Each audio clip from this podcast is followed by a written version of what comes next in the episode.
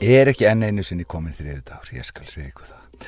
Það er alltaf þriðu dagur og um, við gefum þess að þetta útvíkulega eins og um, áður hefur komið fram. Þeir byrtast á akureyri.net sem að um, byrtist útdráttur og slóðina á þáttinn. Og svo er þetta að fylgja mér á Instagram, Pétur71. En hefjum nú þátt vikunar. Yesterday, all my troubles seem so far away. Now it looks as though they're here to stay. Oh, I believe in yesterday. Paul McCartney ortið þetta og gaf út árið 1965 á plötunni Help. Þarna segir hann frá mannesku sem stendur fram með fyrir því að allt breytist á augabræði en í gær virtust öll vandamál viðs fjari en skindilega er hann hálfur maður vegna þess sem gerðist svo skindilega í gær og það ástand er ekkert að fara að breytast neitt. Þetta er komið til að vera. Ég held nú að í bítlalæginu sé sungið um samband sem slitnar, svona skindilega, en eins og ástinn sem getur brotnað á sveipstundur, þá getur líf okkar breyst á sveipstundu. Á einu augabræði getur þú kert bíliðinn út af, fram af klettum, það þarf ekki langan tíma fær, eða þú fær frettir að einhver hafa lengt í slísi eða frettir um veikindi einhvers. Þetta gerist allt á auga bræði Þegar við stöndum fram fyrir þess aftar hlutum þá held ég að við skiljum bæði svo vel hversu mátt lítil við erum í stóra samhenginu og hversu fánalegt það er að velta sér upp úr smáatriðum Níels nágranni sem lagði bílnum ekki rétt í stæðinu og var akkurat ekki á milli línana eða að nú sé enn einn helvítis læðin að koma eða þessi bölfuðu asnar á þinginu sem enn eru með enn eitt fáránlega frumvarpið. Nei, ekkit af þessu skipti máli þegar við stöndum framifyrir til dæmis hilsumissi. Við óttumst flest, ger ég ráð fyrir, að eitthvað slemt komi fyrir okkur og ekki síst óttustuðum þá sem við elskum mest. Við erum langt flest meðvitöðum hversu hverfult þetta líf getur verið og að það sem ég hef sagt hér að framann er staðreind samt jú það er staðreind að þetta skiptir ekki svo miklu máli en samt, já þrátt fyrir það allt, þá tekst okkur að velta okkur upp úr svo ótrúlega ómerkilegum hlutum og láta þá áhrif á okkur.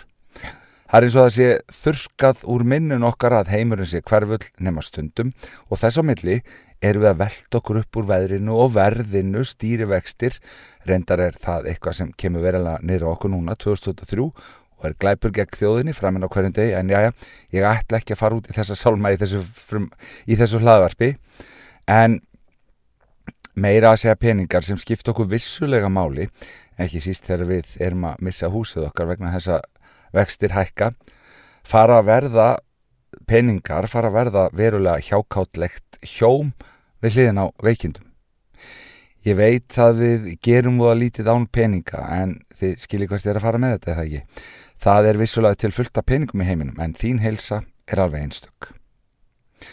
En svo er þetta svo mikið varðandi viðmið og þetta á svo við um svo mörg viðmi til dæmis og nú tökum við dæmi. Foreldri barnið þitt á úlingsaldri segjum á aldri fyrsta árs framhalskólanema er í nýstlu fíknefna og annar óreglu. Þú best við að koma því á réttan kjöl. Það tekst ágætlega og þú sérð úlingin þinn smám saman fara í stuttagöngutúra tvísværi viku veri heima í herbyrgin og kvöldin svo var reyndar fram á hádegi en þó alltaf að taka einn áfanga í fjarnámi og svo borðar úlingurinn reglulega. Sýni góða hegðun heima og umhyggju fyrir fjölskyldunni. Gengur bara nokkuð velum. Þú, foreldri barsins, ert bara nokkuð ánað með úlingið þinn. Allt gengur bara vel, bara svona nokkuð vel, svona ef þú, já, miðar við allt sem að hefur undan gengið. Tökum þá annað dæmi. Barnið þitt á úlingsaldri, fyrsta ári í framhalskóla, hefur gengið ágætlega í grunnskóla en ekki verið neitt í djamin en stendur nú frammi fyrir því að finna ekkert nám sem því langar að fara í, er á krosskötum og veit ekki alveg hvert skal stefna í lífinu. Úlingurinn drattast og stöku sinnum í stuttaköngutúra en hangir rosalega mikið í herbyrginu auðnuleysi og drattast á fætur í hátteginu. Reyndar tók úlingurinn einn áfanga í fjarnámi til að kasta ekki lífi sínu algjörlega á glæ með því að vera bara heima í herbyrginu og borða með okkur. Reyndar er úlingurinn minn alltaf góður við okkur og fjölskylduna og gengur svo sem ágætluðum. Gefum okkur það að þarna sé ég að tala um tvær fjölskyldur sem eru með úlning sem í raun er á nákvæmlega sama stað nema annar einstaklingurinn er að fara upp og hinn kannski niður í þeim skilningi að viðkomandi er ekki alveg á hraðri uppleið. En við þurfum alltaf að fara upp, við þurfum að lifta byggurum, við þurfum að segra með selfie, skjálbrósandi á framabraut, fame and fortune. Jim Carrey sagði, I think everybody should get rich and famous and do everything they ever dreamed of so they can see that it's not the answer. The answer. Eða, mér finnst að allir ætti að vera ríkjur og frægir og gera allt sem það alltaf dreymt um til þess að sjá um að það er ekki svarið. Og þar er hann væntalega að tala um svarið við hamingju ópinu. Nú ætla ekki að hljóma og ég viti stóra svarið við stóru spurningunni lífinu En eitt er víst, þetta er allt spurningum viðmið og sjónarhörn. Hvað viltu og hvernig ætlar að lifa?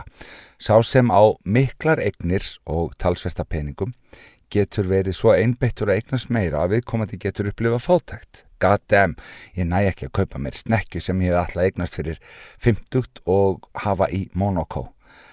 Viðkomandi upplifir því fátækt og skort. Svo er það aftur eignalítill aðili sem að upplifir svo mikla sælu við að fara út að borða, vákvæði hefða gott ég þarf ekki að elda í kvöld. Viðkomandi upplifir ríkidæmi og velsælt. Ríkidæmi býr í fjölskyldu, það er oft sagt, og er satt, en ríkidæmi er líka sjónarhótt. En nú er ég bara búin að fara frá yesterday með bílónum í það að vera nægjusum og umbúralind. En Eitt er nú augnablikin sem breytur öllum, það er þegar foreldri lítur á börnin sín þegar þau komið heiminn, það er augnablik sem breytir lífinu og ekkert verður eins og það var, aldrei. Geðu sjálfum þeir kæri hlustandi af öllum kynjum, þá gjöf að klappa þér á bakið og rósa þér. Þú stendur þið bara vel, þú ert að gera þitt besta. Guð veri með þér.